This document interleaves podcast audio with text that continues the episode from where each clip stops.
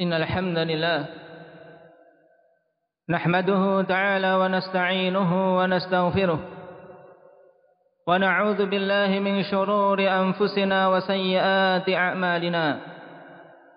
من يهده الله فلا مضل له ومن يضلل فلا هادي له. أشهد أن لا إله إلا الله وحده لا شريك له. وأشهد أن محمدا عبده ورسوله. صلى الله عليه وعلى آله وأصحابه ومن تبعهم بإحسان إلى يوم الدين. يا أيها الذين آمنوا اتقوا الله حق تقاته ولا تموتن إلا وأنتم مسلمون. يا أيها الناس اتقوا ربكم الذي خلقكم من نفس واحدة وخلق منها زوجها وبث منهما رجالا كثيرا ونساء واتقوا الله الذي تساءلون به والأرحام إن الله كان عليكم رقيبا يا أيها الذين آمنوا اتقوا الله وقولوا قولا سديدا يصلح لكم أعمالكم ويغفر لكم ذنوبكم ومن يطع الله ورسوله فقد فاز فوزا عظيما. أما بعد فإن أصدق الحديث كتاب الله. وخير الهدي هدي رسول الله صلى الله عليه وسلم. وشر الأمور محدثاتها. فإن كل محدثة بدعة. وكل بدعة ضلالة. وكل ضلالة في النار. أعاذنا الله وإياكم من النار. ومن يطع الله ورسوله فقد رشد ومن يعص الله ورسوله فقد غوى. إنما توعدون لآت وما أنتم بمعجزين. يا أيها الناس عباد الله الله سبحانه وتعالى telah berfirman dalam kitabnya yang mulia mengkabarkan tentang keadaan suatu kaum.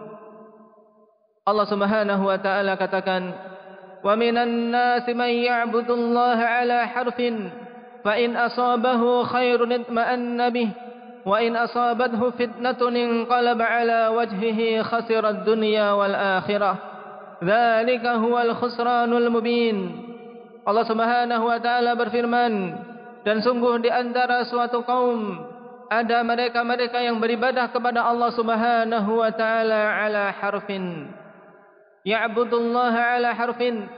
Beribadah kepada Allah Subhanahu wa taala di atas keraguan-raguan di atas kebimbangan di atas kelemahan.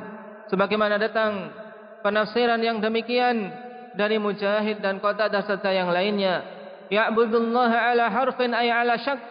Beribadah kepada Allah Subhanahu wa taala di atas keraguan-raguan tidak dibangun di atas keimanan yang kokoh di atas keyakinan yang penuh kepada Allah tabaraka wa taala. Sehingga ketika dia mendapatkan kenikmatan-kenikmatan dalam jalan peribadatan dia kepada Allah di saat dia menghamba kepada Allah Subhanahu wa taala maka itma'an nabi hatinya menjadi tenang. Menganggap bahwasanya inilah agama yang hak. Inilah manhaj yang lurus ketika dia mendapatkan kenikmatan dan kesenangan akan tapi tatkala dia mendapatkan ujian, maka segera dia berpaling meninggalkan kebenaran yang telah dia ambil dan dia jalani sebelumnya. Wa in asabathu fitnatun inqalaba ala wajhi. Apabila tertimpa fitnah, tertimpa ujian, dia berbalik arah. Yang tadinya mukmin menjadi murtad, menjadi kafir dan yang tadinya berada di atas jalan sunnah meninggalkannya menuju jalan hizbiyah dan ahli bidah. Maka orang-orang yang demikian ini ya ibadallah Allah Subhanahu wa taala katakan khasirat dunya wal akhirah. Sungguh dia telah merugi di dunia dan di akhirat. Di dunia tidak mendapatkan kesenangan dan kenikmatan yang diharapkan. Ketenangan dan kesejahteraan yang didambakan demikian pula di akhirat lebih-lebih lagi dia tidak akan mendapatkan kenyamanan dan keselamatan wal billah. Pada ayat di surat Al-Hajj ini ya ibadallah Allah Subhanahu wa taala khabarkan kepada kita tentang kaum yang keadaannya demikian yang tentunya terkandung di dalamnya peringatan untuk kita semua agar jangan sampai menjadi golongan tersebut menjadi golongan yang beribadah kepada Allah di atas keraguan-raguan tidak dibangun di atas keimanan tidak dibangun di atas keyakinan bahwasanya kita ini hamba Allah bahwasanya kita ini adalah makhluk yang Allah Subhanahu wa taala ciptakan untuk beribadah kepadanya semata. Tidak yakin dengan firman Allah Subhanahu wa taala wa ma khalaqtul jinna wal insa illa liya'budun. Tidaklah aku ciptakan jin dan manusia kecuali agar mereka beribadah kepadaku semata. Tidak yakin bahwasanya Allah Subhanahu wa taala akan memuliakan hamba-hambanya yang mendekat kepadanya dan berbagai macam keraguan-keraguan yang lain dan sungguh Allah Subhanahu wa taala juga dalam ayat yang lain telah contohkan keadaan manusia yang demikian sifatnya ya ibadallah. Allah Subhanahu wa taala katakan, "Fa ammal insanu idza mabtalahu rabbuhu fa akramahu wa na'amahu fa yaqulu rabbi akraman." Wa amma idza mabtalahu fa qadara 'alayhi rizqahu fa yaqulu rabbi ahanan. Adapun manusia tatkala Allah Subhanahu wa taala Uji dia dengan kenikmatan-kenikmatan, keluasan rezeki dan kesenangan. Maka dia mengatakan, sungguh Rabbku telah memuliakanku. Senang hatinya. Tentram karena mendapatkan nikmat. Namun ganti diuji dengan sisi yang lain. Dari sisi-sisi kehidupan ini.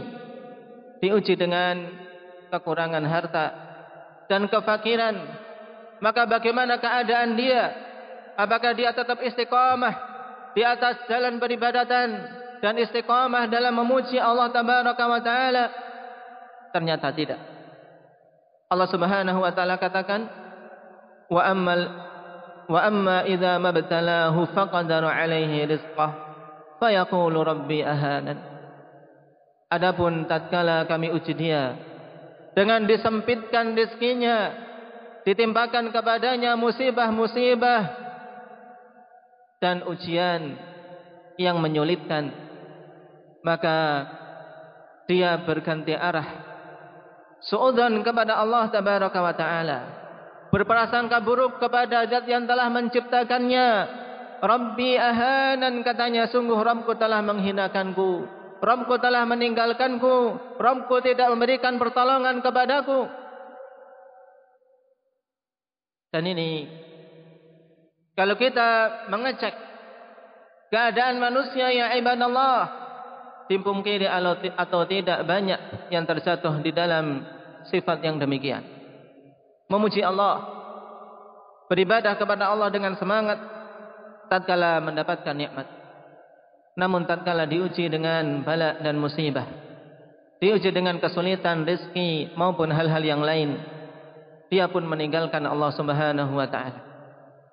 Oleh karena itulah sungguh merupakan perkara yang sangat penting untuk kita wasiatkan satu sama lain baik dalam khutbah-khutbah maupun dalam pelajaran-pelajaran dan kajian-kajian kita. Untuk kita memohon pada Allah Subhanahu wa taala kekokohan di atas agama Allah Subhanahu wa taala dan di atas jalan peribadatan ini ya ibadallah.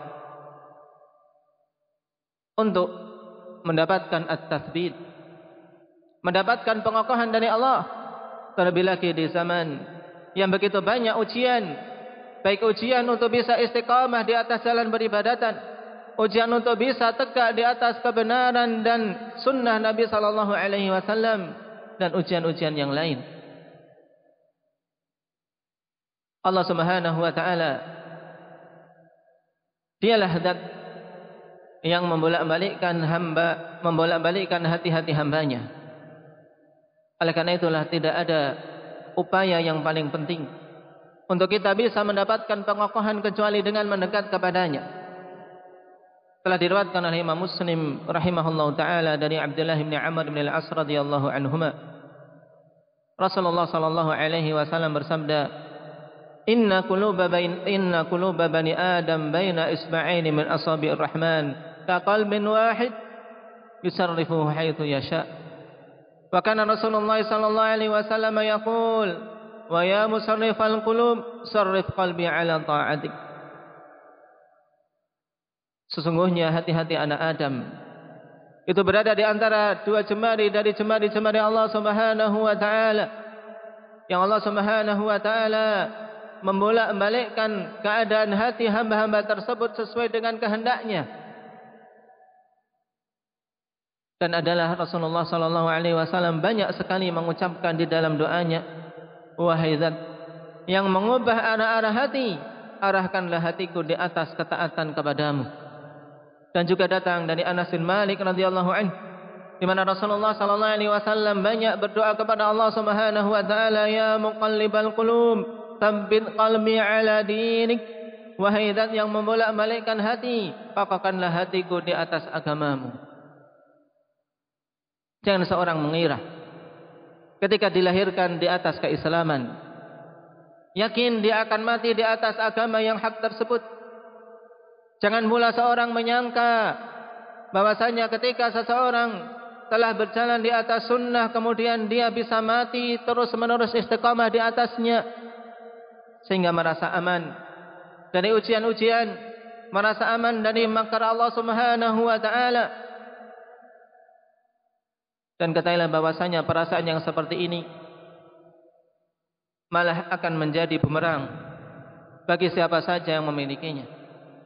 Afa aminu makan Allah fala ya'manu makan Allah illa al-qaumul khasirun kata Allah Subhanahu wa taala. Apakah mereka merasa aman dari makan Allah Subhanahu wa taala? dan sungguh tidaklah merasa aman dari makar Allah Subhanahu wa taala kecuali orang-orang yang merugi. Sehingga kalau kita perhatikan keadaan manusia yang paling utama Nabi kita Muhammad sallallahu alaihi wasallam beliau senantiasa menggantungkan harapannya kepada Allah dan merasa khawatir disimpangkan dari jalan al-haq. Bagaimana tidak?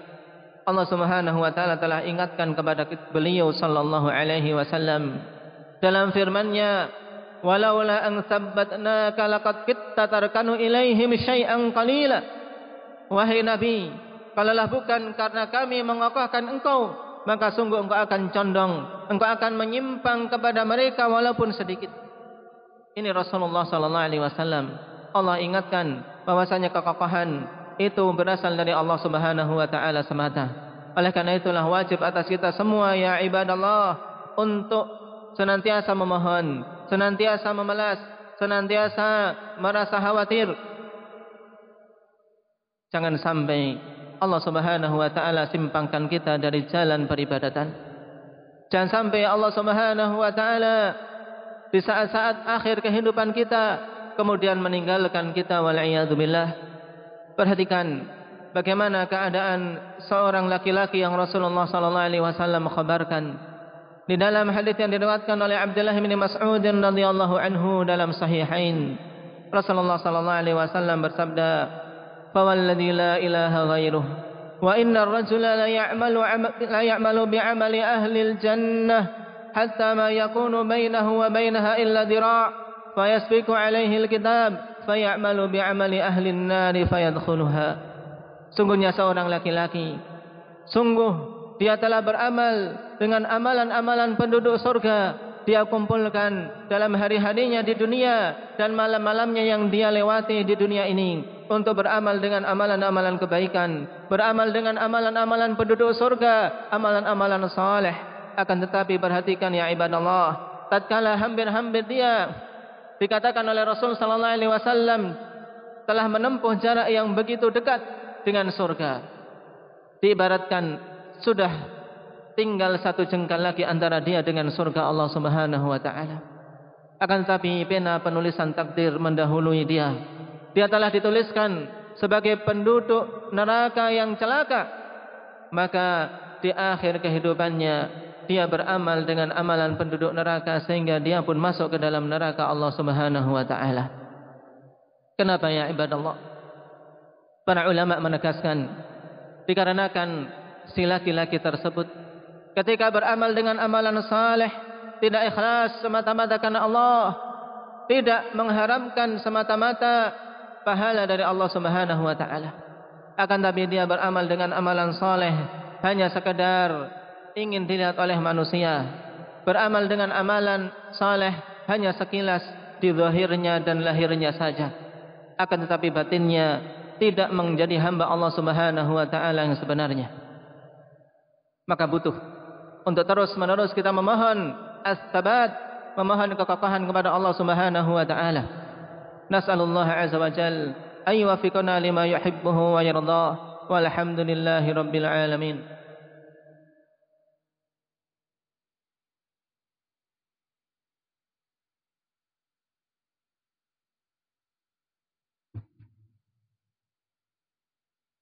الحمد لله حمدا كثيرا طيبا مباركا فيه.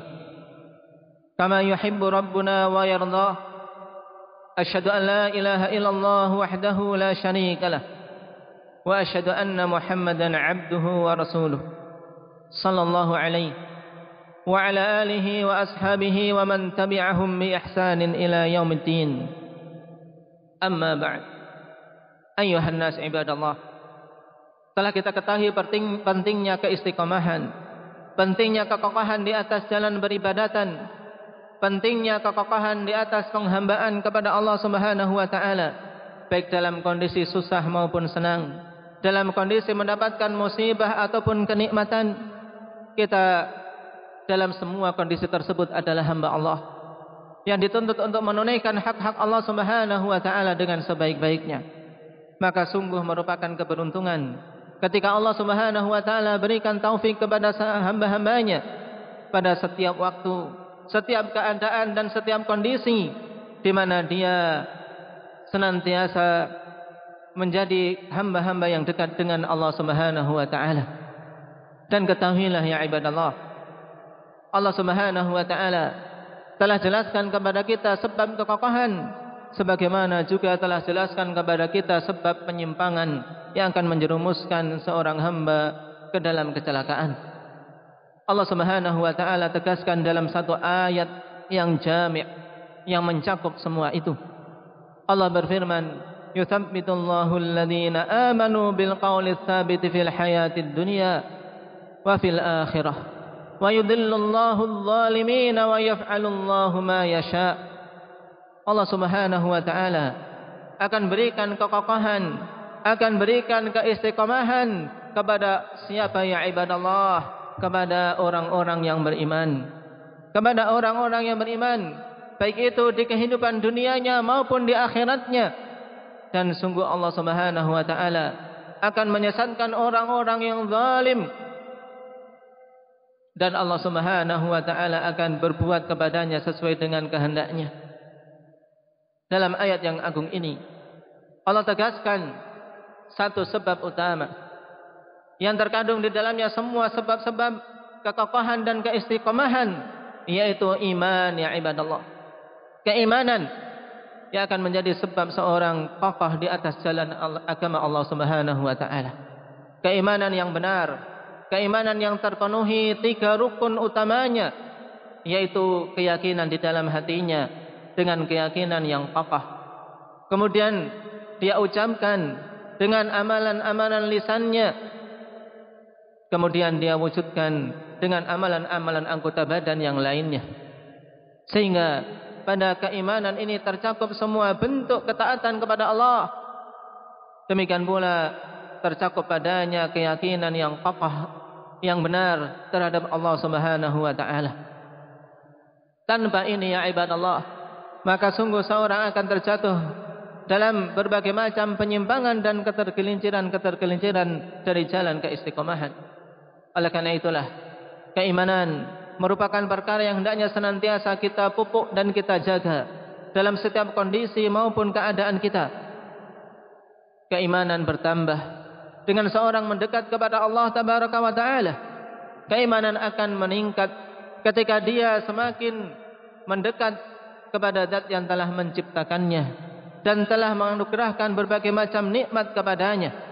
Keimanan akan semakin tinggi ketika dia mau mengilmui agama Allah Subhanahu wa taala ini mempelajarinya memahaminya membaca kitabnya mempelajari hadis-hadis nabinya. Bukan malah menjauh bukan malah berlari dari Allah Subhanahu wa taala. Allah Subhanahu wa taala perintahkan kepada kita untuk lari menuju kepadanya fafirru ila Allah kalian menuju Allah. Mendekatlah kalian kepada Allah Subhanahu wa taala. Karena padanya jalan keluar. Karena padanya kekokohan dan keselamatan dari semua bentuk-bentuk penyimpangan. Kemudian pada ayat tersebut juga Allah Subhanahu wa taala jelaskan kepada kita sebab menyimpangnya seorang hamba dari jalan keistiqomahan yaitu dalam firman-Nya wa yudhillullahu adh-dhalimin wa yaf'alullahu ma yasha' dan Allah Subhanahu wa taala akan sesatkan orang-orang yang zalim. Orang-orang yang zalim. Mereka inilah yang akan tersesat dari jalan Allah Subhanahu wa taala. Berarti dari sini kita ketahui sebab penyimpangan, sebab ketergelinciran, sebab jauhnya seorang dari jalan keistiqomahan adalah kezaliman. Kezaliman dalam semua bentuk-bentuknya. Baik itu kezaliman terhadap hak Allah Subhanahu wa taala maupun kezaliman terhadap diri sendiri maupun kezaliman terhadap sesamanya. Sehingga tercangkup pada kalimat az-zulmu ini ya ibadallah. Semua bentuk maksiat semua bentuk dosa-dosa semua bentuk peninggalan terhadap ketaatan-ketaatan kepada Allah Subhanahu wa taala. Sehingga jelas dari ayat yang mulia tersebut bahwasanya semua sebab-sebab kesesatan semua sebab-sebab penyimpangan tidak lain dan tidak bukan kembalinya kepada sifat al-zulm, sifat kezaliman.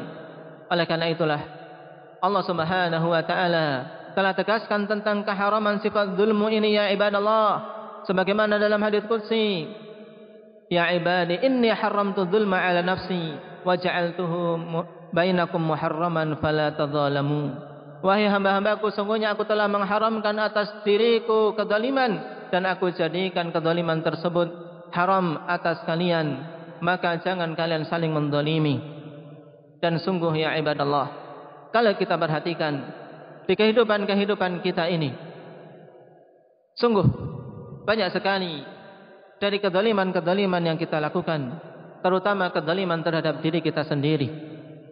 Baik itu dengan melakukan dosa-dosa maupun dengan melanggar kemaksiatan-kemaksiatan ataupun dengan meninggalkan dan meremehkan ketaatan kepada Allah Subhanahu wa taala. Oleh karena itulah atas kita untuk memperbanyak taubat kepada Allah Subhanahu wa taala. Rasulullah sallallahu alaihi wasallam telah peringatkan, "Iyyakum wa muhaqqiratidz dzunub." Hati-hati kalian dari dosa-dosa yang diremehkan. Ini dosa-dosa yang diremehkan ya ibadallah kita diperintahkan untuk berhati-hati dan meninggalkannya karena sungguh permisalan orang-orang yang melakukan dosa-dosa kecil. Ibarat suatu kaum yang mengumpulkan ranting-ranting. Kemudian ketika telah terkumpul banyak maka ranting tersebut pun akan bisa membakar makanan yang mau mereka masak. Demikian pula dosa. Ketika telah terkumpul banyak maka akan mampu membakar pelakunya walaupun itu asalnya adalah dosa-dosa yang kecil Lalu bagaimana dengan dosa-dosa yang besar? Dosa-dosa yang Rasulullah sallallahu alaihi wasallam sebut dengan al-mubiqat, dosa-dosa yang menghancurkan, dosa-dosa yang mencelakakan, terlebih lagi apabila dosa tersebut berupa kesyirikan kepada Allah Subhanahu wa taala. Maka tentunya dampak yang ditimbulkan lebih besar dan lebih dahsyat yang akan menerpa pelakunya wal billah. Dan kita hidup di zaman yang dosa-dosa besar ini banyak diremehkan oleh manusia. Baik itu riba, baik itu zina dan yang lainnya. Kalaulah kita tidak banyak-banyak mendekat kepada Allah, banyak memohon perlindungan kepadanya ya ibadallah, maka sungguh kita tidak merasa aman dari terjatuh dalam berbagai macam dosa-dosa yang menghancurkan tersebut. Anas bin Malik radhiyallahu anhu telah menghabarkan tentang sabda Nabi sallallahu alaihi wasallam innakum lata'maluna a'malan. Hiya adakku fi a'yunikum min asy-sya'rah wa kunna na'udduha ala ahdi Rasulillah sallallahu alaihi wasallam minal mubiqat. Sungguh sesungguh kalian itu akan melakukan suatu perbuatan-perbuatan yang itu kalian anggap remeh anggap kecil bahkan lebih kecil daripada sehelai rambut di mata kalian. Dan padahal dulu kami menganggap dosa-dosa tersebut termasuk perkara yang mencelakakan. Ini keadaan umat di zaman Anas bin Malik radhiyallahu an. Apalagi ketika melihat keadaan kita ya ibadallah. Maka kita memohon pada Allah Subhanahu wa taala as-sabat, memohon kekokohan, memohon keistiqamahan dalam banyak-banyak waktu kita ya ibadallah. Allahumma inna nas'aluka al-huda wat-tuqa wal-afafa wal-ghina. اللهم أسألك الثبات اللهم إنا نسألك الثبات في أمرنا اللهم إنا نسألك الثبات في أمرنا اللهم إنا نسألك الثبات في أمرنا اللهم آتنا في الدنيا حسنة وفي الآخرة حسنة وقنا عذاب النار وصلى الله على محمد وعلى آله وأصحابه أجمعين وآخر دعوانا أن الحمد لله رب العالمين.